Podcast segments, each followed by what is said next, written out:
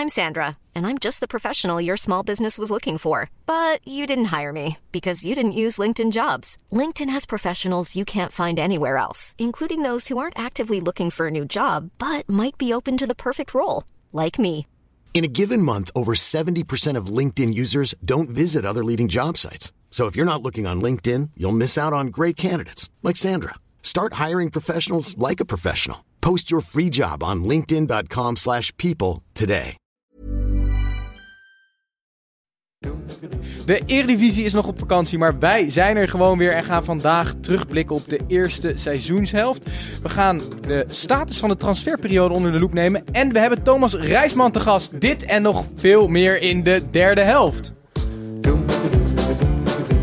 Klimmetje warm hier aan. Hey, hey, Klim, hey! Ja, het is warm hier aan. Het is snikheet. Snikheet. Snikheet. Snikheet. Rustig. Ja, ik... Einde van 20 jaar studiosport. Snikheet.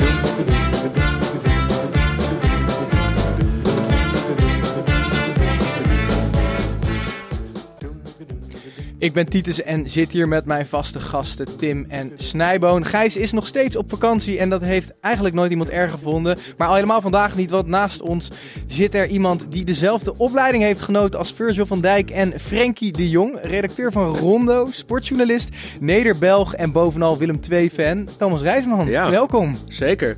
Ik dacht even dat je mijn studie bij de UvA ging noemen. Ja, dat niet. Wil je die zelf nog even noemen? Nee hoor, laat Dat maar mag? zitten. Dat, eh, het mag geen naam hebben, die studie. Dus, eh, Maar nee, Van Dijk en Frenkie de Jong, klopt ja. Ongelooflijk hè, dat die allebei bij Willem II hebben gespeeld. En ik geloof Wout Weghorst ook. En, ehm, en Michael de Leeuw. Eh, nou, dan kun je toch een best aardig team opstellen. En, en Thomas Rijsman. Ja, zeker. Ja, nee, eh, Die is toch wel net buiten mijn salarisontwikkeling is net iets anders gegaan, ja. Iets anders lopen. Want ehm, over dat carrièrepad gesproken. Jij was eerst eh, redacteur bij ehm, Studio Voetbal. Ja, zeker. En nu bij Rondo. Wat, wat houdt eigenlijk redactiewerk precies in? Ehm, ja, heel, heel kort gezegd, eigenlijk gewoon eh, voetbal kijken de hele week. En op zondag eh, voeten op tafel en met je analisten een beetje bellen, een beetje praten. Met je presentator overleggen, met je collega-redacteuren. En keuzes maken. Wat ga, waar gaan we het over hebben, in welke volgorde. Eh, niks anders wat jullie ook doen elke zondag eigenlijk. Klinkt dus heel leuk werk. Maar ja, is ook heel tof. Dat klinkt niet slecht, nee. Nee, maar jij hebt toch ook voor Willem II één keer gespeeld, of niet? Eén wedstrijd. In ja. de Eredivisie. Ja, ik probeerde, Nee, ik probeerde nee. het verhaal daarachter nog Ja. te zoeken, maar ik, ik Nee, er, dus er bestaat een krantenartikel van dat ik inviel. Samen met nog twee andere eh, jongens met wie ik op dat moment in de A1 speelde. Maar het was geen officiële wedstrijd. Het was een oefenwedstrijd na het seizoen. Dus ik sta nergens in de boeken. Jullie moeten mij op mijn blauwe ogen en op dat artikeltje geloven. Tegen wie was het? Eh, Hatert. Maar wel tegen een oud prof. Een jongen van Vitesse. Komt straks op de Latuhero volgens Ah mij. ja, Bart. Ja, volgens mij wel. Hele dikke kuiten had hij. Eén keer in Oranje gespeeld ook. Ja, Bart echt waar? Ja. Oh, dat, oh, nou, dat weet je alles van, ja. Maar eh, Thomas, hoe is dat dan afgelopen, die, die, die profcarrière van jou? Want uiteindelijk is die een redelijk stille dood gestorven. Baalde je daar toen niet ontzettend van? Nou, ik, ik ben naar, eh, na Willem II... Dat was mijn laatste wedstrijd voor Willem II ook. Ik wist dat ik toen al naar Amerika ging voetballen, op college niveau. Toen kwam ik terug vanuit Amerika. Toen was ik 20, geloof ik. En toen heb ik bij Haarlem nog een tijdje gevoetbald. Ehm, en toen dacht ik, dit gaat hem niet worden. Dit is eh, hartstikke leuk dat in de trein op en neer naar Haarlem... en dan misschien wel bij Telstar aan de bak of zo. Laat maar zitten, ben beter een redacteur zijn. bijvoorbeeld. Ja. Wie, wie dat ook ooit heeft gedacht, dat is Tim. Die is inmiddels redacteur Ja. eh, bij En geen profvoetballer. Nee. Eh, maar Tim, is het voor jou niet ook tijd om in plaats van de kinderen... Ja, misschien zo meteen de grote mensen te gaan vermaken? Absoluut niet, Titus. Nee? Vermaak- Jij- blijft zin, trouw aan, aan, aan Ik vermaak me kostelijk met kinderen. En dat is een, eh, ja, moet wel goed geïnterpreteerd worden. Ja, deze mogen we niet als losse soundbite op het internet dat gooien, denk ik. Nee, en, eh, maar je doet, je doet natuurlijk nog veel meer. Je bent ook documentairemaker. Waar, Ja. waar hou je zo al mee bezig eh, op dit moment? Eh, op het moment ben ik bezig met een docu over de Ajax-vrouwen. eh, voetbalteam van Ajax. En die volgen we al een paar maanden. En die gaan we blijven volgen tot het einde van het seizoen. En dat gaan we tot een mooie film van eh, een half uurtje, drie kwartier eh, monteren. En eh, daar ben ik zelf heel blij mee. Want ik ben een groot liefhebber van vrouwenvoetbal. Toen ik in Amerika voetbalde, zat ik ook op een school... waar eh, het vrouwenteam eigenlijk groter en belangrijker was dan het mannenteam. Dus ik ben vanaf de jaren negentig wel opgevoed met het idee... dat er een soort gelijkwaardigheid in zit tussen mannen en vrouwen. Gaat die er ooit komen hier in Europa? Mm, Nee, nee, ja, wel, denk ik wel. Ik denk dat er wel een dag komt dat het ook, het kan 10, 20 jaar zijn, dat de stadions van vrouwen ook ehm, gewoon allemaal vol zitten. 20, 30.000 man misschien nog gemiddeld. In, in Duitsland en Engeland zitten, eh, zit Wembley en, en, en grote stadions in Duitsland zitten wel eens vol.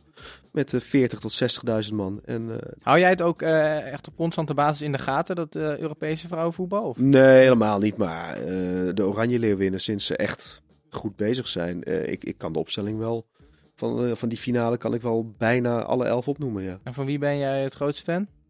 Ik ben een Miedema-fan. Ik ben echt eh, een zieke... Veel kritiek, hè? Ja, ik ben echt een zieke Miedema-fan. Sommige mensen vinden haar, collega's van mijn vrienden van mij, die noemen haar houtrig. En dan ben ik ook heel fanatiek aan het appen. Zie je wel dat ze altijd... Ze heeft een soort onverstoorbaarheid. Die heeft ze eigenlijk helemaal niet, want ze is best wel gevoelig voor kritiek en zo. En voor geluiden van buitenaf. Ze heeft ook migraine-aanvallen.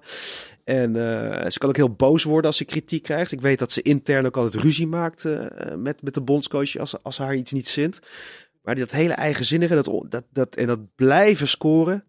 eh, ja, ik, vind echt, ik vind echt een geweldige speelster. Oké. Ah, mooi dat we het nu zoveel over vrouwenvoetbal hebben. Dat doen we normaal niet. Normaal hebben we het alleen maar Ja, over met de Eredivisie. tafel was dat ook nooit gelukt om het zo Nee, lang over ga- vrouwenvoetbal te ja, hebben. maar wij gaan het natuurlijk vandaag hebben over de Eredivisie die nog niet is begonnen en die er al een paar weken uit ligt. Eh, Tim en, eh en Snijboon, hebben jullie eh, je nog kunnen vermaken de afgelopen weken?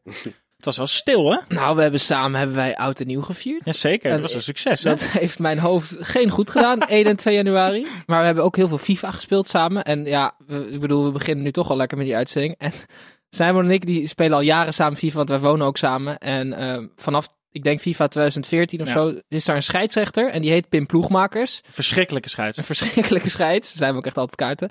En die lijkt heel erg op iemand.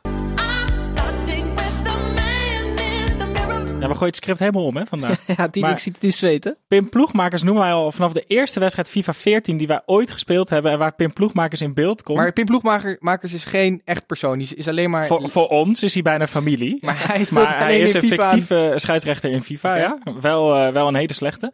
Maar die lijkt dus heel erg op John de Wolf. Vonden wij altijd al. Ja. Dus wij noemen Pim Ploegmakers ook al nu 4,5 jaar lang structureel John de Wolf. En eh wij hebben eh, echt een oude FIFA op moeten starten om, om, om een enigszins lijkende foto nog op te zoeken. Wij zijn er heel tevreden mee. We zijn heel, heel benieuwd wat, eh wat de Maar luisteraars vrezen er voor de reacties online. Ja, Maar eh, John de Wolf met lang of met kort haar? Nee, eh, half, lang. Ja, Ja, half lang en een, en een twee dagen baardje. Oké, Nou, ik ben, ik ben benieuwd. Hij is morgen natuurlijk weer te zien op onze social media kanalen. Maar laten we dan nu eh, wel echt eh, teruggaan naar eh, de Eredivisie. En wij hebben denk ik afgelopen eh, maanden een heel mooi eerste seizoenshelft eh, meegemaakt. Er is eh, van alles gebeurd. Spraakmakende trainers, bizarre uitslagen, stadionlampen die uitvielen. En natuurlijk het, eh, het debuut van de VAR. Kortom, mooi moment om even terug te blikken. En laten we dat weer doen zoals we dat ook ooit bij het WK deden. aan de hand van een aantal hoogte- en dieptepunten. En nou, misschien wel leuk om te beginnen bij jou, Snijboom. Wat was jouw hoogtepunt? Heb even een leuk hoogtepunt Oh, muziekje wat, wat heb je weer heerlijke jingles meegenomen. Voor, eh, van, van, eh, van eh, de Eredivisie. Nou ja, mijn, mijn, mijn persoonlijke hoogtepunt, ik, eh, ik, ik, ja, ik heb het al wel vaak daarover gehad. Ik voel me een soort, soort LP die blijft hangen ondertussen. Maar Michel Flap is denk ik mijn hoogtepunt van de eerste seizoenshelft. Je hebt echt een bromance opgebouwd. Ja, ik ben gewoon ontzettend fan van voetballers die compleet anders voetballen dan wat je zou denken als je ze ziet. Ah ja. Is dat logisch? Ja, ja. Denk Gerald Sibon, Georgios Samaras. Als je die Ja. ziet, Eh, Dan noem je er een paar. dat zijn voetballers en die voetbalden altijd compleet anders dan wat je van ze zou denken. En Misschien Flap een heeft ook wel een dus beetje. ja, Koolwijk? Ja. Ja, het zijn hele... Flap is veel verfijnder dus dan je zou verwachten. Ja. Ja, ja en, en, en bergkampiaans soms. Ja. Stiftjes, eh, lopjes, acties. Dus ik, ik, ik, eh, ik kijk heel graag naar hem. En ook nog eens volgens mij een van de meest sympathieke jongens die we momenteel in de Eredivisie rond hebben lopen. En het, en het verhaal klopt natuurlijk. Dat, dat, dat is gewoon natuurlijk heel romantisch dat hij een groot Heerenveen-fan is. Ja. Een Friese jongen. Eh, ook echt dat, dat oud-Hollandse uiterlijk. En dan Ja. ook nog eens gaat voetballen en in Heerenveen de Sterren van de Hemel speelt. Maar is dan niet een dieptepunt dat het met Heerenveen niet heel goed gaat? Nee, hem daardoor ook de kans om hem uit te blinken, daardoor toch? krijgt Flap inderdaad de kans om een boven ja, maar dan kan het ook eh, zijn eh, in het land der blinden is één oog koning. Dit is, ik vind het heel jammer dat je Ja, vroeg alleen zijn hoogtepunt. nu een dieptepunt probeert Ja. te maken. Oké, nee, dan, eh, dan, dan, dan laten we het daarbij als jij eh, niet over eh, de negatieve kanten van de flap wil praten. En eh, dan gaan we naar eh, Thomas Gijsman. Ja, maar ja, ik heb, ik heb bekervoetbal hoogte- en dieptepunten. Wil je dat in deze volgorde blijven doen? Of Ik maar- wil dat helemaal in deze volgorde bij doen. Geef jij maar een nou ja, het, het, het, het hoogtepunt, ja, dat is wel een beetje persoonlijk, is dat, eh, hè, want ik kom uit Tilburg, eh, was de wedstrijd Willem II AFC in de beker. En ik voetbal zelf al bijna 20 jaar bij AFC. En eh, ik ga met mijn vader echt al mijn hele leven lang ook eh, seizoenskaart houden. Ga ik naar Willem II. En ik ging naar die wedstrijd toe en ik zat op ons vaste plekje. En ineens zat de hele club, mijn amateurclub, zat om mij heen. Dus het was alsof ik thuis in de huiskamer zat en heel AFC had uitgenodigd. En dat vond ik zo'n magische belevenis. Gewoon, Dat is wel heel gaaf. ja, dat was heel gaaf. Plus, Willem II heeft, en ik weet dat jullie het met me eens zijn, een van de mooiste shirts van de eredivisie. Zeker. Ja, en Tricolores. ja, en AFC heeft een van de mooiste shirts in de, het amateurvoetbal. En dat stond daar op dat glimmende groene veld onder dat mooie witte kunstlicht. Ja, ik, het eerste kwartier had ik echt, eh, stond ik stijf van, de, van, de, van, ja, van het plezier gewoon. Wat, wat, Maar voor wie was je dan? Ja, dat was, was heel lastig kiezen. Maar uiteindelijk was ik toch voor AFC. Omdat ik toch De wel underdog. de underdog en de Cinderella story. eh, eh, maar na een kwartier was die hoop natuurlijk de kop in. Maar hoe is het nou om fan te zijn van een club als Willem II? Nou ja, ik, moet heel, ik wil een bekentenis doen. Ik durf het wel aan. Ik, Kom maar. en ik heb het daar heel moeilijk mee. Het is een soort coming out. Mhm. Maak je niet druk. Hij is eigenlijk voor NAC. Nee, ik, wo ik, ik woon nu langer in, in Amsterdam dan in Tilburg. Ik Oké. ooit heb gedaan. En ik merk, ik heb altijd gezegd, ik ben niet voor Ajax, ik ben niet voor PSV, ik ben niet voor Feyenoord, ik ben voor Willem II. Maar ik merk dat ik, zeker als het tot top 3 ga, aangaat, dat ik toch een lichte voorkeur heb voor Ajax nu. En er- soms moet ik wel eens avond op de bank nadenken van, ben ik niet stiekem meer voor Ajax dan voor Willem II? Maar is het niet acceptabel om in elk deel van de ranglijst in ieder geval Ja. een club te hebben waar je sympathie voor hebt? Ja, ik denk dat er nog 50-50 Als die elkaar maar Ja, niet een beetje te erg in de weg zitten, Ja. dan moet dat nog wel kunnen. Had, je, had je meer verwacht van Willem II dit seizoen? Veel meer. Het- Veel het- meer, het- maar ja. ik was in het, in, aan het begin van het seizoen. En Iedereen. toen voordat we starten was ik echt heel Nee, maar enthousiast. iedereen was veel te enthousiast. Daar, daar klopte ook geen ene reet van. Dus er werd zelfs gezegd... eh, na PSV en Ajax de beste voorhoede van de eredivisie. Met Ja. Afdijay en Sol. Nou, Geloof me, als ze Sol... er allemaal zijn. Wat vinden, jullie- open vraag. Wat vinden jullie van Sol? ik vind een goede spits. Van mij, ik had eh, AZ had hem moeten kopen. Ja, echt waar? Ja. Ik vind een heerlijke spits. Echt? Ja, maar ik zou hem wel liever in een 4-4-2 dan in een 4-3-3 willen zien eigenlijk. Ja, ik vind, eh, en ik vind het ook nog eens een sympathieke jongen. maar Ja, ik- Titus ik moet je niet aan voetbal. Nee, voetbal nee, nee, vragen. hij woont met zijn kippen in Tilburg, dan is Titus helemaal fan. Ja. Nee, ik, het is echt een matige spits. Ja? Ja, het is echt een matige voetballer. Het is echt... eh, Maar jij ziet, er- jij ziet bal, bal als hij een bal moet aannemen op zijn borst. Hè, waar Fellaini daar eh, de allerbeste ter wereld in is, is, vind ik Sol voor een spits echt een van de slechtste. Maar zeg jij ook nu Eh, voor de hoofdprijs verkopen? Dat je, eh, ja, ja, als je daar 3,5 miljoen voor krijgt, dan ben je eigenlijk... gaat meer krijgen? Ja, dat denk ik ook. Maar geen 7 miljoen. De, club en de scout die zegt 7 miljoen voor deze speler, Maar- die, die is echt blind. Maar Thomas, hij heeft toch wel Ja, maar, echt ja, een maar heerlijk gevoel. hebben ze, hebben ze Johnson in de spits, dus daar zijn ze ook Ja, blind. maar hij, eh, Sol heeft toch wel echt een perfect gevoel van, van, van positionering. en Ja, het in de verschrikkelijke 16. term neusje Ja. voor de goal. Ja, dat klopt. Nee, en dat betreft, wat dat betreft. Maar vroeger was je dan eh, de topscorer van de eerste divisie. Of gewoon inderdaad spits voor Willem II. En Ja. nu wordt hij naar de top 3 geschreven. Of Ja. misschien wel hoger in het buitenland. Dat, ja, daar gaat hij echt door de mand vallen. Oké, maar dus waar Sol ook heen gaat, hij mag niet met zijn rug naar de goal voetballen. Nee, Dat bijvoorbeeld. zeker. Genoeg over Sol. Het, het hoogtepunt voor jou, eh, dat, was, dat was duidelijk. Ja, dus die zeker. Mooi, wedstrijd. het mooie. hoogtepunt van, van jouw leven is volgens mij Willem II, om het eh, zo maar even kort samen te vatten. En dan gaan we nu door naar het, eh, het hoogtepunt van, van Tim, zijn eerste seizoen zelf. Ja, mijn hoogtepunt eh, is Maurice Stijn. Ik ben groot fan van Maurice Stijn. En ik, eh, wat ik zo mooi vind aan hem is dat hij eh, vorig jaar uitstekend gepresteerd heeft met VVV. En besloten heeft om zijn contract te verlengen en te blijven. Iets wat eigenlijk, denk ik, 9 van de 10 trainers niet ehm, zou hebben gedaan. En hij heeft dit seizoen ook weer heerlijk gepresteerd. En vooral de, ja, de eerste, het eerste gedeelte van de eerste seizoen zelf was, stond hij echt bekend om de ijzeren defensie. En ik vind het gewoon enorm knap als je met jongens als... eh, als, hoe heet die? Moreno Rutjes, Gerald Promes, Roel Jansen. Als je dan überhaupt al één keer de nul kan houden, vind ik dat wel geniaal. Eh, en ik vind Lars Oenerstaal ook een heerlijke keeper. Ik vind dat hij het echt eh, heel goed op orde heeft. En ik gun eh, Maurice Stijn misschien wel volgend jaar een mooie subtopper. Oké.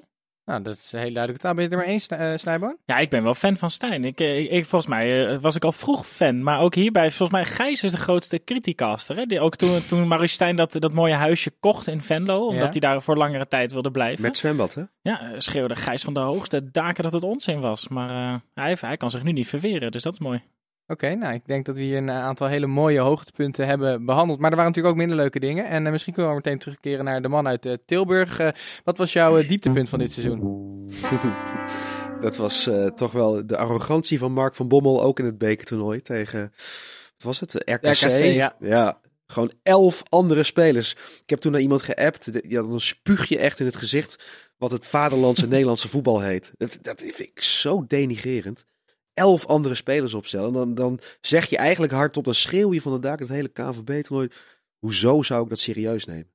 vijf andere spelers. Oké, zes heel misschien. Maar hij is er hard, hard voor gestraft uiteindelijk. Ja, en en dan- het is dus een, een, een trainersfout. Vind jij ook dat, dat, dat, dat, hij, dat dit aantoont dat hij best wel wat zwakke plekken heeft als trainer zijn? Maar ik vrees wel dat het echt een hele goede trainer is. Je vreest daarvoor. In het buitenland is het heel Ja. normaal, hè? Elf andere spelers in het bekertoernooi. Nee, niet Als je elf. naar de topclubs, nou misschien niet Nee. elf, maar Maar als ook je naar de FA Cup als en zo naar snijden. FA misschien niet, maar ik denk Nee. dan inderdaad eerder aan de League Cup. Ja, maar, maar, dat is het derde toernooi. ja, Of de, de, hè, na de FA en de competitie is dat het derde eh, ja, ding waarvoor je speelt. Ik heb het toen nog opgezocht of ze het in de FA Cup doen. Grote clubs. Echt geen elf. nee, nee, nee, nee, vier, vier talenten erin en Ja. eh, een, s- eh, een zeven goeie. Oké, dus eh, boos was je. En eh, ben je... oh, ben je nog steeds. ben, nog, nog steeds? Ja. Nee, maar wij hebben hier wel, wel vaker zijn we hier boos geweest op, op, op, op, op Mark van Bommel door hoe hij zich gedraagt. Maar aan de andere kant hebben we ook weer respect voor hoeveel eh, ja, punten die binnensleept en het, eh, het voetbal wat zijn team neerzet. Toch Tim? Nou, ik vond vooral dat hij in die laatste wedstrijd tegen AZ was dat volgens mij. Toen, daar, daar vond ik dat je goed kon zien dat hij al wel geleerd heeft. Want hij stelde toen Pereira op en dan kwam hij na een half uurtje achter dat het eigenlijk totaal verkeerde keuze was. En toen besloot hij wel om eh Sidelec volgens mij in te brengen. En toen eh, Ja. keerde hij het zelf om met een tactische keuze. Dus dat vond ik dan wel weer klasse. Ik ben heel benieuwd hoe Van Bommel het gaat doen als het even een paar weken niet loopt. Maar dat gaat niet gebeuren in de Eredivisie. Nee? Een paar weken niet lopen, nee. Maar Helemaal niet nu is ze geen Champions League meer Of hebben. is het qua spel dat het gewoon echt, echt een stuk minder wordt? Want Van Bommel kan echt pisnijdig worden, hè? Zo. Ik zie dat wel voor me, hoor. Dat hij er even eentje zo bij zijn shirt grijpt langs de zijlijn om hem even Nou goed ja, te vertellen maar, wat maar hij moet doen. Pereiro een half uur wisselen is al zo'n Ja. eh, zo'n teken dat hij gewoon snoeihard kan zijn. Ja. Nee, het is, ja, als je Maar naar dat maakt hem misschien ook weer juist een goede trainer. Ja, ik denk dat- daadkrachtig. Ik denk dat het echt een goede trainer is. Want hij heeft een goede trainer moet, moet nou, echt wat echt een pre is voor een goede trainer is dat je echt een lul wil kunnen zijn Ja. of eh, moet kunnen zijn. Jij vindt het oké om de lul in de groep te zijn? Wat dat Ja, betreft zijn toptrainer, zei Ja. Snijboon. Ja, Ja. alleen de tactische kennis. eh. Oké jongens, over Snijboom gesproken. Wat was jouw dieptepunt? Ja, ik, ik, zat, ik zat hier eh, een tijdje over na te denken vandaag. Ik denk dat ik kies voor de, de. Ik heb me heel erg geërgerd aan twee momenten waarop het publiek een zeer, zeer negatieve rol speelde. De eerste was met die, met die bal in het, in het veld. Oh ja. Dat vind ik echt. Ik vind dat de grootst mogelijke onzin als je als publiek op zo'n manier met Feyenoord PSV, wedstrijd toch? eh, ja, gaat bemoeien. Ik vind dat echt heel laag. En de tweede is, en ik, ik had het er net al over, die ehm, Utrecht supporter die dat knalvuurwerk naar Onana gooide. Die heeft zich dus verweerd met, ja maar ik wist niet dat het knalvuurwerk was. Ik dacht dat het gewoon... Hij dacht dat het een bal was. Hij dacht dat het gewoon een, een, Siervuurwerk zuur- was. siervuurwerk was. Dus Ja. hij wilde Onana een soort van een leuke dag bezorgen. door, door een pot naast hem op de grond te gooien. Waar dan mooi vuurwerk uitkwam of zo. Echt krankzinnig. Maar zulke dingen zorgen er gewoon voor dat er heel hard opgetreden wordt eh, tegen supporters. En dat ook leuke acties en, en goede support straks eh, veel minder eh, een plaats krijgt in het stadion. Oké. Maar we hebben ook een paar hele mooie eh, supportersacties gezien, denk ik. Ja, wel, ik denk dat ze bij de graafschap eh, mogen ze heel trots zijn op hun supporterscharen. Die Meer spektakel op de tribune dan op het veld. Ja, ja, ik denk, je moet ook wat, hè? Als je, Ja, hebt, je hebt zeker. 90 minuten even om na te denken over je volgende actie daar. Hoe, hoe zit dat bij Willem II? Ben jij trots op, eh, op de supporters van Ja, Willem nee, II? die zijn, Willem II is heel, heel ehm, ehm, goed bezig. Al een paar jaar. Sinds ze, toen ze degradeerden zat het eens heel erg vol. Wat je bij FC Twente nu ook ziet. Dus een soort extra steun in de rug. En in uitwedstrijden is Willem II een van de clubs in de Eredivisie die het meeste aantal supporters altijd mee heeft naar eh, andere clubs. Dus, dus dat zit eh, wel goed. Dat zit ze heel goed. En eh, Tim, hoe zit het met jouw eh, dieptepunt? Ja, ik, inderdaad, dat is Heracles Almelo. Ehm, Als dieptepunt? ja, en dan niet op het veld, want Heracles Almelo is hartstikke leuk om naar te kijken. Maar vooral, en het is, ik haat die term, de kunstgrasdiscussie en dan de houding van Heracles Almelo daarin. Want we waren dicht bij een doorbraak met 18 grasvelden in de Eredivisie. En Heracles Almelo heeft, mede te danken aan, de, aan die sponsor, Ten Kate, die gaan dwars liggen. Waardoor we nu nog steeds lopen te, te handelen met dat kunstgras. En daar word ik een beetje moe van. Ehm, en gaat dit ooit eh, eindigen? Ja, ik denk alleen dat ze overstag gaan als ze echt een grote som geld krijgen. Maar dan, ik denk eerlijk gezegd dat die hoofdsponsor dan weg moet eerst bij Heracles. Oké, maar ja, je zou wel denken dat die ooit een keer weggaat. Want Thomas, over vijf jaar spelen we gewoon allemaal weer op gras. Ik hoop eerder. In de Eredivisie. Ik, eh, ik heb meer moeite met het feit dat het er niet uitziet op televisie. dan dat het invloed zou hebben op het niveau van het Nederlands voetbal of zo. Ik vind het gewoon echt heel lelijk eh, als ik er naar kijk. Maar Ja, maar eh, het idee dat... wat wat dat is er lelijk aan? Nou ja, eh, alles eigenlijk. Gewoon de, de, de kleuren eh, vooral. En dat ja, maar ook- los, los van dat het lelijk is, het is toch heel raar dat profvoetbal in één divisie gespeeld wordt op twee verschillende ondergronden. Dat is, is toch nee, niet in professioneel? Amerika is eh Amerika voetbal een van de grootste sporten daar. Wordt ook op kunstgas en gas gespeeld. En een van de definities van topsport is... wie kan zich het beste aanpassen aan veranderende omstandigheden. Ik vind dat zelf een hele mooie dus, definitie van topsport.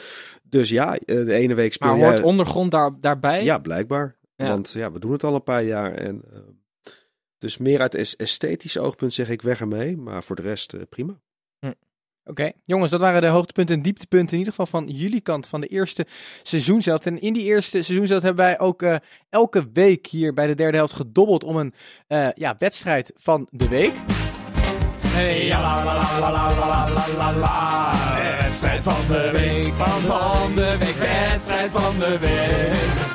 Ja, en er zijn 153, Tim, volgens mij 153 Zeker, wedstrijden gespeeld ja. in de Eredivisie. Wat waren volgens jullie de meest spectaculaire wedstrijden? Snijboon, om bij jou te beginnen. Ja, ik, ik, ehm, ik denk dat de logische keuze straks nog aan bod komt. Dus ik ben iets meer de cult ingedoken. En dan, en dan ik dacht, we keren gewoon nog één keer terug naar het sprookje van Hans Christian Pedersen.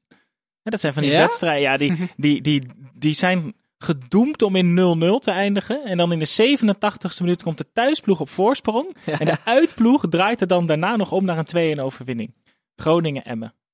Ja, ik, vind, ik vind dat heerlijk. Dat is, dat is toch waarom je, dat is waarom je voetbal kijkt. Dus En- omdat altijd zoiets kan gebeuren. Ja, dat is waar. Vind ik fantastisch. Heb je die wedstrijd live gekeken of in samenvatting? Eerlijk. Live? Echt waar? Ja. Ja, wauw. Dan was het. Ja? Want je- Nee, jij, jij nee. zit bij dat soort wedstrijden vooraf al. eh, Nee, nee helemaal, uit? helemaal niet. Maar ja, ik, ik, eh, voor mijn werk moet ik ook een beetje Engels voetbal in de gaten houden. en een beetje Italiaans en een beetje dit. Dus dan ja, Groningen, Emmen. Sorry. Ja, maar ja, dus Ja, ik heb eh, Groningse roots, hoorde hè, je dus dat ik het, moet. eh, dat het wel een hele spectaculaire pot was. En zo zie je ook maar weer, zoals wij altijd te zeggen, die eredivisie die is lang zo slecht of niet? Zelfs, nou ja, het eh, was 85 minuten echt janken gebaas. hè. Het was dat, die vijf minuten maken het helemaal goed. Dat is meer de magie Ja. dan dat ik 85 minuten heel mooi positiespel heb gezien. Ja. Oké, en eh, ehm, wat was voor jou, eh, Thomas, de meest magische wedstrijd van dit seizoen? Nou ja, het was toch wel PSV Ajax, die 3-0. En eh, dat Ten Hag zo op zijn, op zijn, ja, op zijn kop Op zijn kreeg. flikker kreeg. Dat mag. Ja, dat mag. Ja. Ik ben voor het eerste gast. Even, even, even aftasten. Eh, ja, dat vond ik zo disproportioneel. Dus ja, eh, Ajax verloor. En PSV was gewoon een hele goede ploeg. En is een hele goede ploeg met een hele goede trainer. En dat er zo lang werd nagepraat over het feit dat Ten Hag, of Ten Hag wel of niet de juiste keuze had gemaakt in centraal eh, in de verdediging. Dat, dat was echt eh, Ten Hag bashing eh, to the max. Maar werd het ook niet veel erger omdat Weber toen vlak daarna tegen Bayern wel speelde en Ja. toen zo goed was? Zeker, dat denk ik ook. Ja, maar ja, ik werd, ik werd er ook moe van. Maar ik word ook moe van de Telegraaf. Die, Precies. die zo lang Ten Hag eh, tegen de scheen heeft geschopt. En dan nu Nog steeds. draaien ze... Ja, nog steeds. Maar ze draaien nu een beetje bij. Terwijl die man een wereldprestatie levert. En ja, dat vind ik gewoon echt nog een slechte top, eh, journalistiek. hoe het dubbeltje bij Ajax de goede kant op viel. Ja. Alsof het echt kantje Ja. boord is en dat het allemaal helemaal... Er wordt, Maar er jongens, we trekken het nu weer, wel weer heel erg breed. Die wedstrijd zelf was toch gewoon spectaculair en hadden we waarschijnlijk niet allemaal verwacht. En dat gaf ook alweer een, eh, een, eh, een leuke draai aan, eh, aan de Eredivisie. Toch Tim? Daarna heeft Ajax zich wel goed hersteld. Namelijk alles gewonnen volgens mij. Dus dat was wel het, het, het keerpunt inderdaad dat Ajax wakker werd. Denk ik, geen idee. Maar eh, dat, was- dat was wel een interessante krachtmeting. Maar ik kijk heel erg uit naar Ajax PSV. Want ik denk dat het zomaar 3-0 kan worden in de arena. En ik kijk heel erg uit naar wat jij als wedstrijd hebt meegenomen die voor jou het allerleukste was in die ja, eerste nou dat zelf. is leuk dat je dat zegt. Dat was namelijk eh Emmen Fortuna Sittard. En dat, dat is eh, ten eerste omdat het 3-3 eindigde. Dat is hartstikke leuk natuurlijk. Eh, een ja, doelpuntrijk gelijk spel. Ja, en er zat heel veel zat er in die wedstrijd. De Anko Jansen, de, ja, de Pierlo van de Lage Landen, ook wel door Snijmo genoemd, gaf daar misschien wel de meest soepele assist van de eerste seizoen zelf. Dat was echt niet normaal. Met zijn ja, toch wel wat stijve heupen deed hij een soort schaar. En hij Hey, stak hem in hey, één keer zo. Wat? Nee, daar kiest hij voor om zo te bewegen. En, eh, en onze vriend Kjell Scherpen van, eh van. Emmen, die ging eh, drie keer onder een bal door. Dat blijf ik al heel grappig vinden als je 2 meter 3 bent. en in de laatste minuut eh, eh, ging hij weer onder de bal. En het werd dus gelijk. Dat is hartstikke leuk. Maar ik kies ook deze wedstrijd omdat ik Emmen en Fortuna allebei best wel een verrijking vind voor de Eredivisie. Ze staan respectievelijk 13e en 9e. En dat vind ik voor twee promovendi hartstikke knap. En ik hoop dat ze een eh, hele leuke tweede seizoenshelft tegemoet gaan. Ben jij ook tevreden met die promovendi, Thomas? Leuke nieuwe Ja, de graafschappen niet, maar... Ik vind Fortuna wel een mooie club. Meer, mooier dan Emmen. Eh, omdat in mijn, in mijn jeugd was Fortuna inderdaad met Van Bommel als speler en Hofland eh, en eh, volgens mij Van Marwijk trainer. Was echt een grote club. Dat shirt met Lu erop, dat is ook echt een oldtimer. Ja, ja, ja. Eh, het gras in Sittard was ook altijd goed. Ik heb daar zelf al een paar keer mogen voetballen in het stadion. Dus voor Sittard ademt wel voetbal. Voor mij meer dan Emmen. Maar dat heeft gewoon puur met mijn persoonlijkheid. Ja, ik het zijn- ik het zijn beide echt de wereld, hè. Dick Lukien, de coach van Emmen, is echt, dat vind ik echt zo'n heerlijke trainer. En het blijkt ook nog eens dat hij dus echt nog heel vaak met Virgil van Dijk aan het bellen is. Omdat Van Dijk neemt van Ja. bijna niemand iets aan, maar wel van Dick Lukien. Dat zegt wel hoe goed hij is. Jongens, ik hoor daar een eh, fluit, want er is gefloten voor buitenspel. En met buitenspel kijken wij altijd heel letterlijk wat er buiten het spel is gebeurd. Ja, om eh, te beginnen bij Tim, welk eh, nieuwtje heb jij voor ons meegenomen? Ja, vorige week is eh, Stanley Bart teruggekeerd als hoofdjeugdopleidingen bij Feyenoord. En dat vond ik wel een interessante, want daar zat eerst, eh, ik geloof, Grootscholt heette die meneer. En dat was een vriendje van Van Geel en die heeft daar een beetje een potje van gemaakt. Ehm, en Stanley Bart, die zat eerder al bij Feyenoord. En die was toen volgens mij mede verantwoordelijk voor de doorbraak van jongens als Stefan de Vrij. En ehm, help mij nog eens even welke toptalenten daar toen speelden. Bruno Martens Indy, eh, wie speelde? Filena misschien, iets eerder nog. Maar ik ben dus benieuwd of er nu weer die talentenstroom bij Feyenoord komt die we toen ook hadden. Ik vraag het me af, omdat ik nog steeds vind dat jong Feyenoord eh, niet in de Jupiler League of in de keukenkampioen divisie laten spelen een grote fout is. Dus dan moeten ze op een andere manier die jongens die vlieguren laten maken. Maar Stanley Bart keert dus terug bij Feyenoord in de hoop dat daar weer de pareltjes doorkomen. Oké, geloof jij daarin, Thomas? Ehm, nou ja, ik heb dat artikel ook gelezen. In de zogenoemde Telegraaf. Ehm, ja, ze willen voor- vooral meer geld gaan verdienen ook weer. Hè? Dus eh, niet alleen als prestatie op het veld in de Kuip, zodat ze misschien weer meegaan doen om de titel. Maar vooral ook om gewoon meer cashflow eh, te krijgen. Dus eh, ja, dan moet je een keuze maken, harde keuze maken soms. En dan haal je een eh, succesnummer terug. Oké. Waarom niet? Snijboon, wat is jouw nieuwtje? Ja, ik voel me een beetje, een beetje RTL Boulevard eigenlijk, met het nieuwtje dat ik mee heb. Maar ik heb vandaag ontzettend hard gelachen om een filmpje van eh, Mitchell Dijks, die zijn moeder een mini cadeau geeft. ik, ik raad echt iedereen aan om dat te gaan kijken. Ik heb me echt helemaal rot gelachen. Die auto. Die- Of gewoon een klein cadeautje of een auto? Ja, Nee, een, auto. Oh, Ik snap er geen reet van, joh. Wat is het nou weer? Nee, ik ook niet. Nee, maar die, had zijn moeder, die gaf zijn moeder een auto. En die moeder die had als reactie daarop, die vond het zo mooi, die had mascara tot de knieën, had ze. ja. Huh? Zo hard had ze, zat ze te janken omdat ze die auto had gekregen.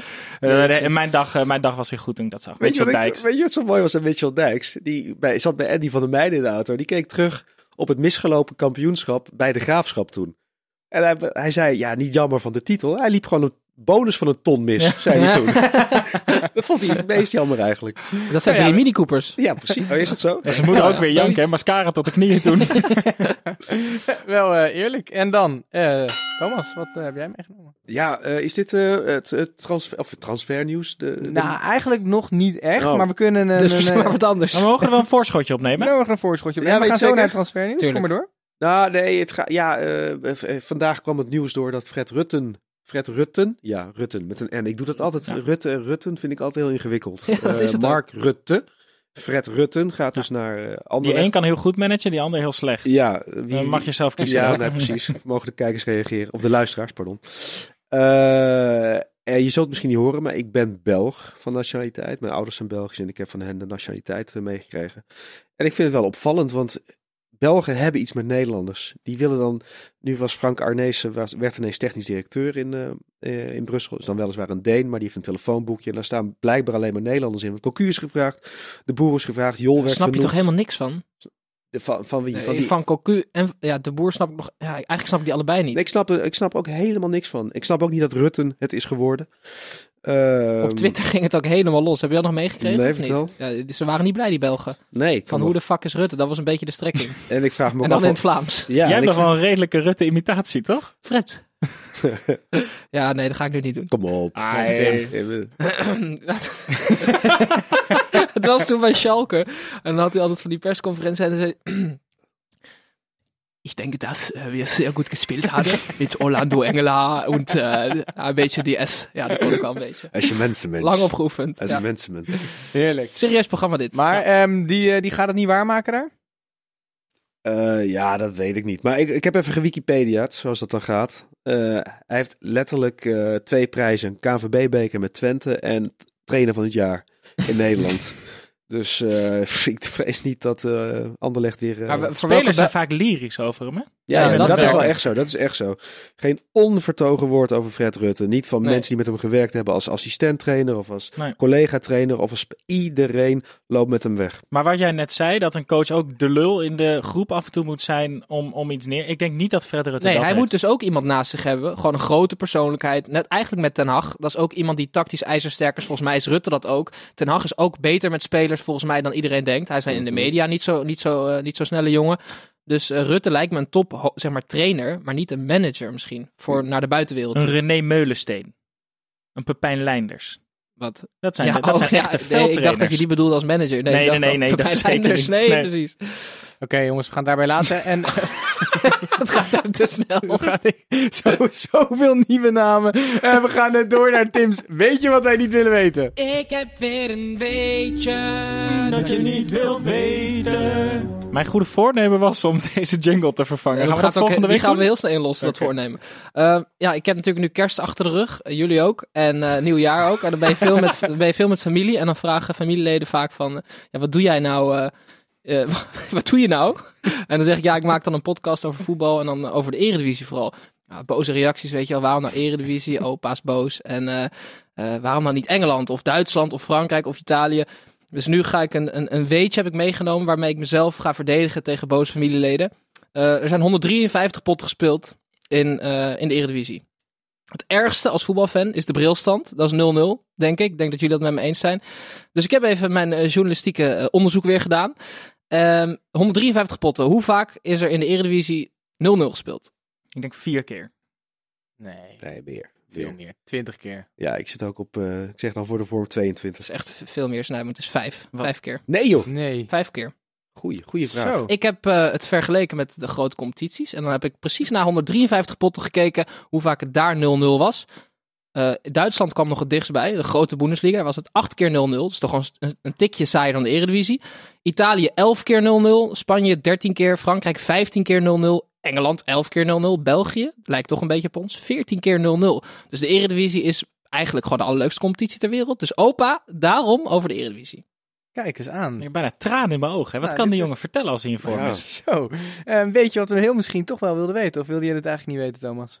Nee, ik, nee ik, ik ga deze misschien wel jatten van je. En gewoon eh eruit. Gewoon Ja, ik heb ook Twitter, hè, Thomas. Dus Oh, ja. je kan altijd TN23. En dan, als je die noemt, is het goed. Mag je alles Tim jatten. is afgelopen week elke aflevering zijn eigen Twitter aan het pluggen. Hoe gaat het met de volgers? Ja. Ooit, ooit stond je op 10 of zo. Nee, ik sta nu 60 of zo. Nou, Ah, gestaag. Hoeveel Russische bots zijn dat? Nee, allemaal van dood dan. Heb je dood dan gebeld? Ja. Oké, jongens, eh, wij gaan door en wij gaan door naar een ehm, update van de transferperiode. We zijn natuurlijk inmiddels eh, daarbij aangebroken en die sluit pas 31 januari, maar er is eh, genoeg gebeurd om al op terug te blikken. Groningen schijnt het heel druk te hebben. De Graafschap die wil nog een laatste gooi doen eh, naar wat versterking. En daarnaast zijn er al wat beklonken deals in Amsterdam en PSV. Kortom, kunnen jullie... In Amsterdam en PSV, hè? of in Amsterdam en Eindhoven, kunnen jullie mij even bijpraten? Om te beginnen bij Snijboon. Wat is er allemaal gebeurd? Eh, ik wil beginnen met. ehm, met eh, eh, ik, echt, ik was woedend. Ik kom nog steeds niet uit mijn woorden Wat van dan? woede. Maar het Dave Bulthuis staat dus in de belangstelling van een eredivisieclub. Ja, Fortuna. Verschrikkelijk. Nee, maar dat kan toch niet? Dave Bulthuis heeft volgens mij vaker spelers geraakt dan de bal. De, deze eerste seizoenshelft. Die schopt alles met een hartslag Maar hoe over kan... de hij, wacht, sorry, hij was toch aanvoerder? Hij is nu reserve. Want Heu speelt daar. Ja, maar hij was, hij was aanvoerder en nu mag hij in één keer weg. En nu zo. ja, ja nee, ik denk ook niet dat Dave Bulthuis met een, met een heel vrolijk gezicht op de bank zit. Een goed beleid wel. Maar eh, Fortuna Sittard die zou hem nu over willen nemen. En dat, eh, nou ja, de- ik denk dat mijn sympathie voor Fortuna Sittard daarmee wel een stuk afneemt. Maar is dus, is hij dus een wordt hij nu een beetje weggebonjourd bij Heerenveen? Of nee, ik is denk er dat, gewoon ik denk veel dat ze vraag voor bij? Herenveen wel een beetje bang zijn voor Dave Bulthuis op de bank. Ik gok dat hij eh, niet een hele fijne wisselspeler is dus. Als hij nu al gelijk weg mag. En voetbalt Bulthuis in jouw ogen zoals hij eruit ziet? Ja, zeker. Ja, Ja, maar hij echt. wel. Ja, Ja, ja, dat ongelooflijk. ben ik wel met je eens. ja. Oh man. Eh, Groningen doet leuke zaken. Groningen, ja, maar daar moeten we oppassen. Hè? Want eh, als, als we op voetbalmanager, als wij in de penarie zitten, Mhm. dan haal je in de winterstop ook altijd van die rare huurlingen. ja, dat is waar. Ze hebben dus nu Thomas Bruns bijvoorbeeld gehaald, wat Ja. ik wel een redelijk speler vond. Eh Bel Hassani, ook een middenvelder. Mhm. Ze hebben Sierhuis gehuurd, ze hebben Cachera teruggestuurd naar Ajax.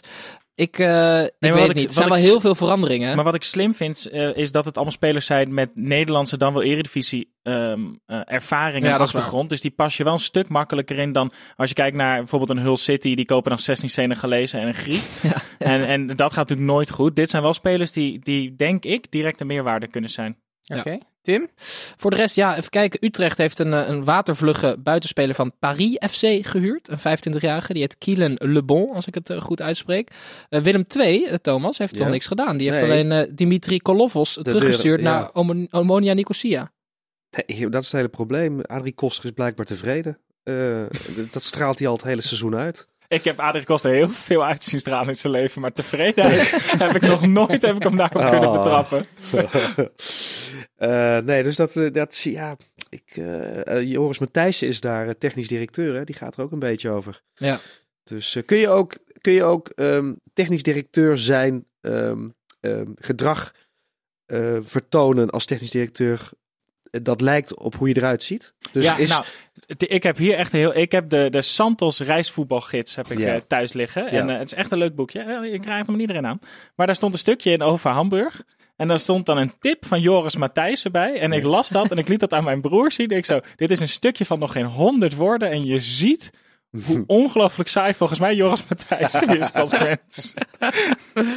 Oh, wat Maar erg. geef, geef iets, meer, eh, iets meer content. Wat Oh, nee, nee ik, ik weet het niet eens meer. Zo, het is al uit mijn hoofd gevallen. Maar het was echt, er zat, het, het hele boekje is leuk geschreven. En die honderd eh, eh, woorden van Joris Matthijssen zorgden er bijna voor dat ik hem in de open haard heb gegooid. Oké, maar eh, reisgids, dat moet me meteen denken aan de jongen die eh, eigenlijk nu op reis is. Oh, ik dacht Reisman. ja. Nee, nee, nee. Ja, dat- dat- ook weer een link met Thomas Reis. Want volgens mij heb jij eh, nog gevoetbald met, eh, met Gijs. Gijs Nier. Gijs Nier. De welbekende Gijs Nier. De welbekende ja, ja, Gijs ja, Nier. ja, ja. Hij is er nu niet, maar hij Nee. heeft wel nog even de tijd gevonden om vanuit Colombia een berichtje in te spreken. Ja, mannen van de derde helft. Of liever, hombres la terre albe. Ik heb geen idee of het Spaans is. Eh, allereerst een zeer gelukkig nieuwjaar nog gewenst. Net op tijd volgens mij. 6 januari. Ook hier 6 januari in het zonovergoten Colombia.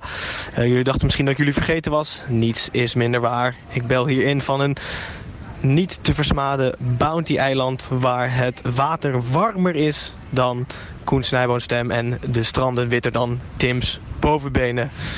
Ehm, ik hoor dat jullie gast hebben aan tafel. Thomas Rijsman. Als je dacht dat Tim een duizendpoot was, dan heeft deze gast 2000 poten. Ehm, ik geloof dat ik gezien had dat jij onlangs nog met Jaap Stam gesproken had, Thomas. Ehm, ik ben heel erg benieuwd naar die indruk die hij op jou heeft achtergelaten. En wat jij denkt van Pek Zwolle, de tweede seizoenshelft. Aardig wat aankopen gedaan, zie ik, krijg ik hier ook door in de Colombiaanse media. Dus eh, nou, ik ben benieuwd. Ik zal het morgen wel horen wat je ervan vindt. En eh, ik kijk uit naar de uitzending. Jongens, beste wensen en tot volgende week. Nou, je krijgt meteen een vraag om je oren, Ja.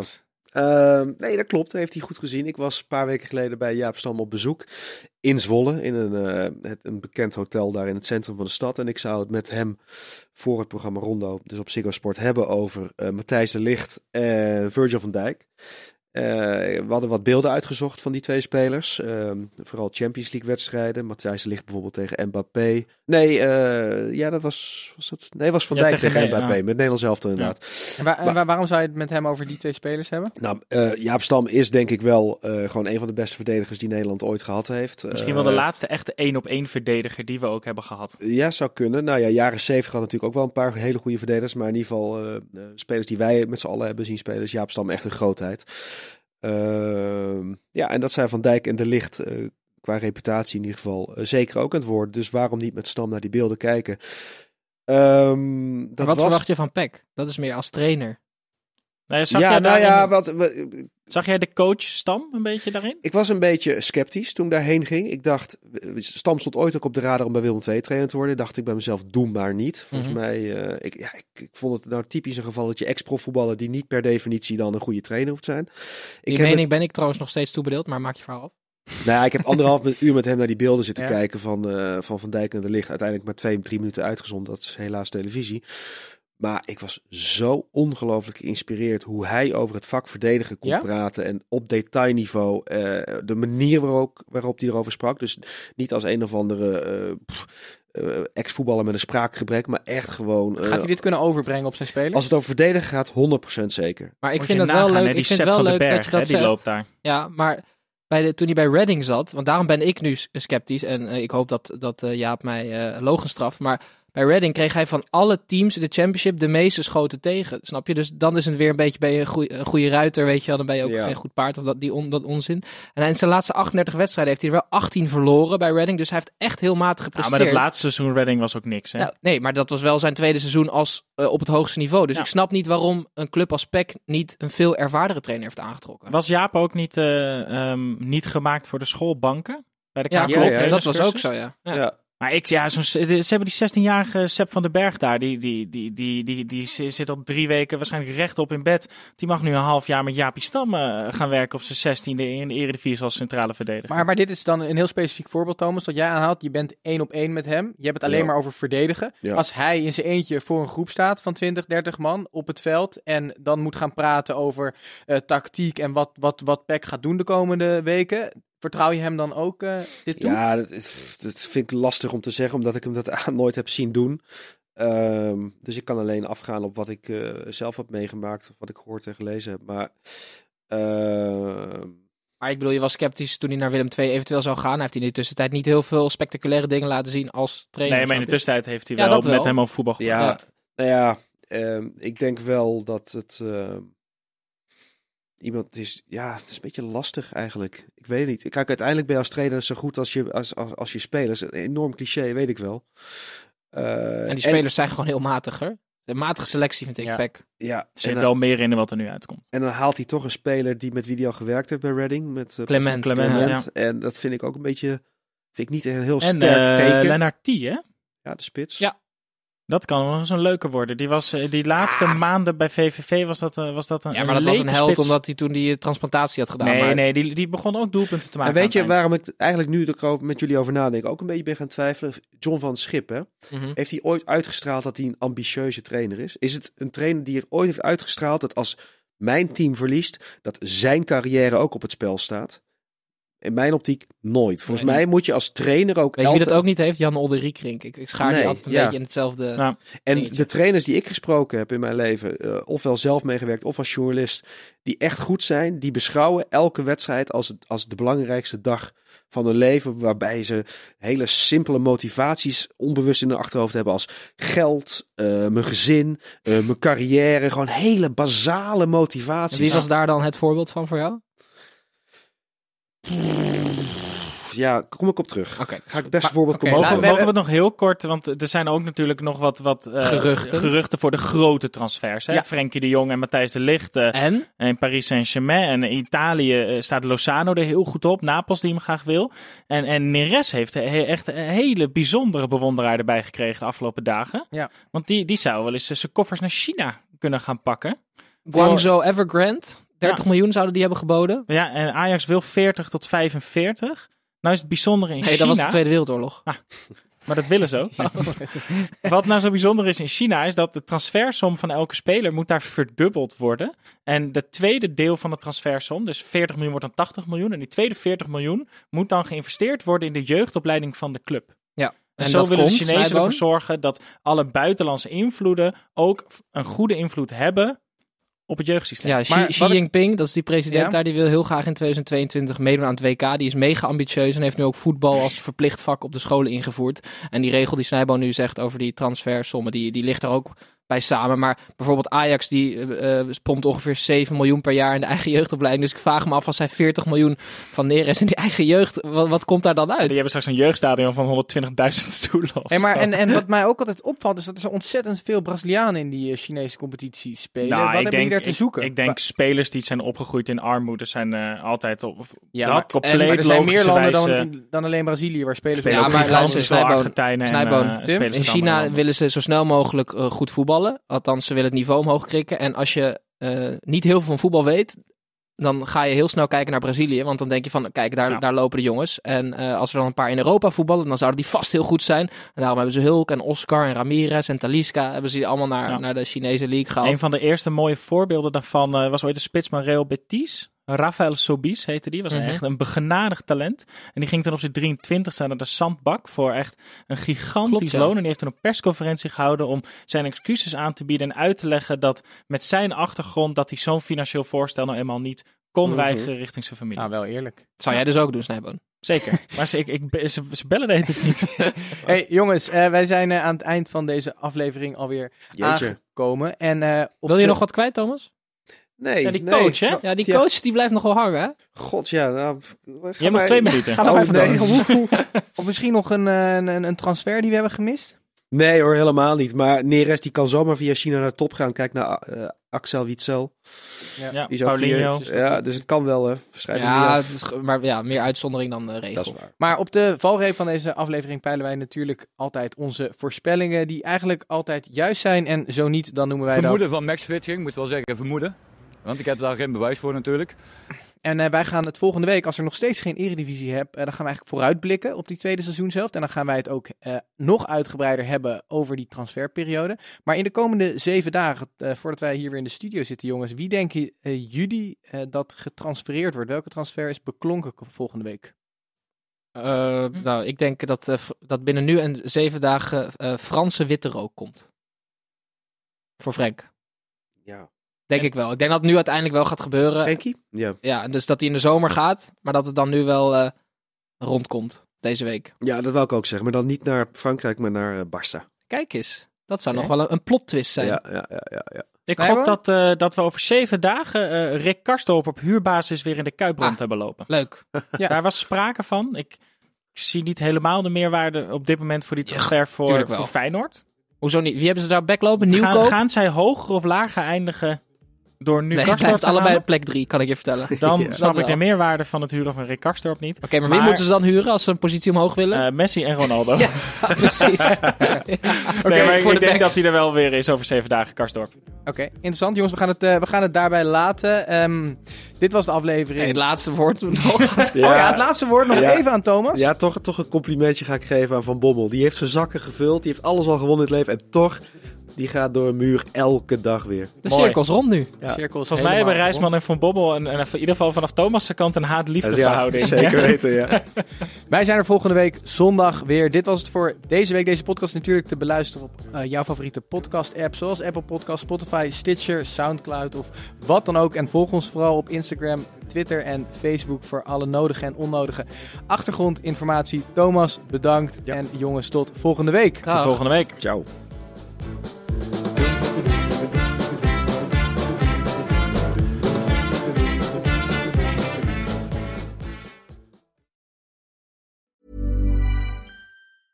Als je toch de tijd neemt om een podcast te luisteren, dan kan het maar beter je favoriete podcast zijn. En elke maandag in je favoriete podcast-app. Snapt iemand nu dat de podcast ook echt je favoriete podcast heet... en dat het gemaakt wordt door Stefan de Vries, Julia Heetman en Sean Demmers? Waarom praat je over jezelf in de derde persoon? Waarom, waarom, er staat hier Sean Demmers en Julia Heetman. Waarom moet jij nou weer voor mij? Dat ging per ongeluk, Sean. Ja, dat ging per ongeluk. Ja, jezus. Steve, jij moet nog nee zeggen. Oh, nee.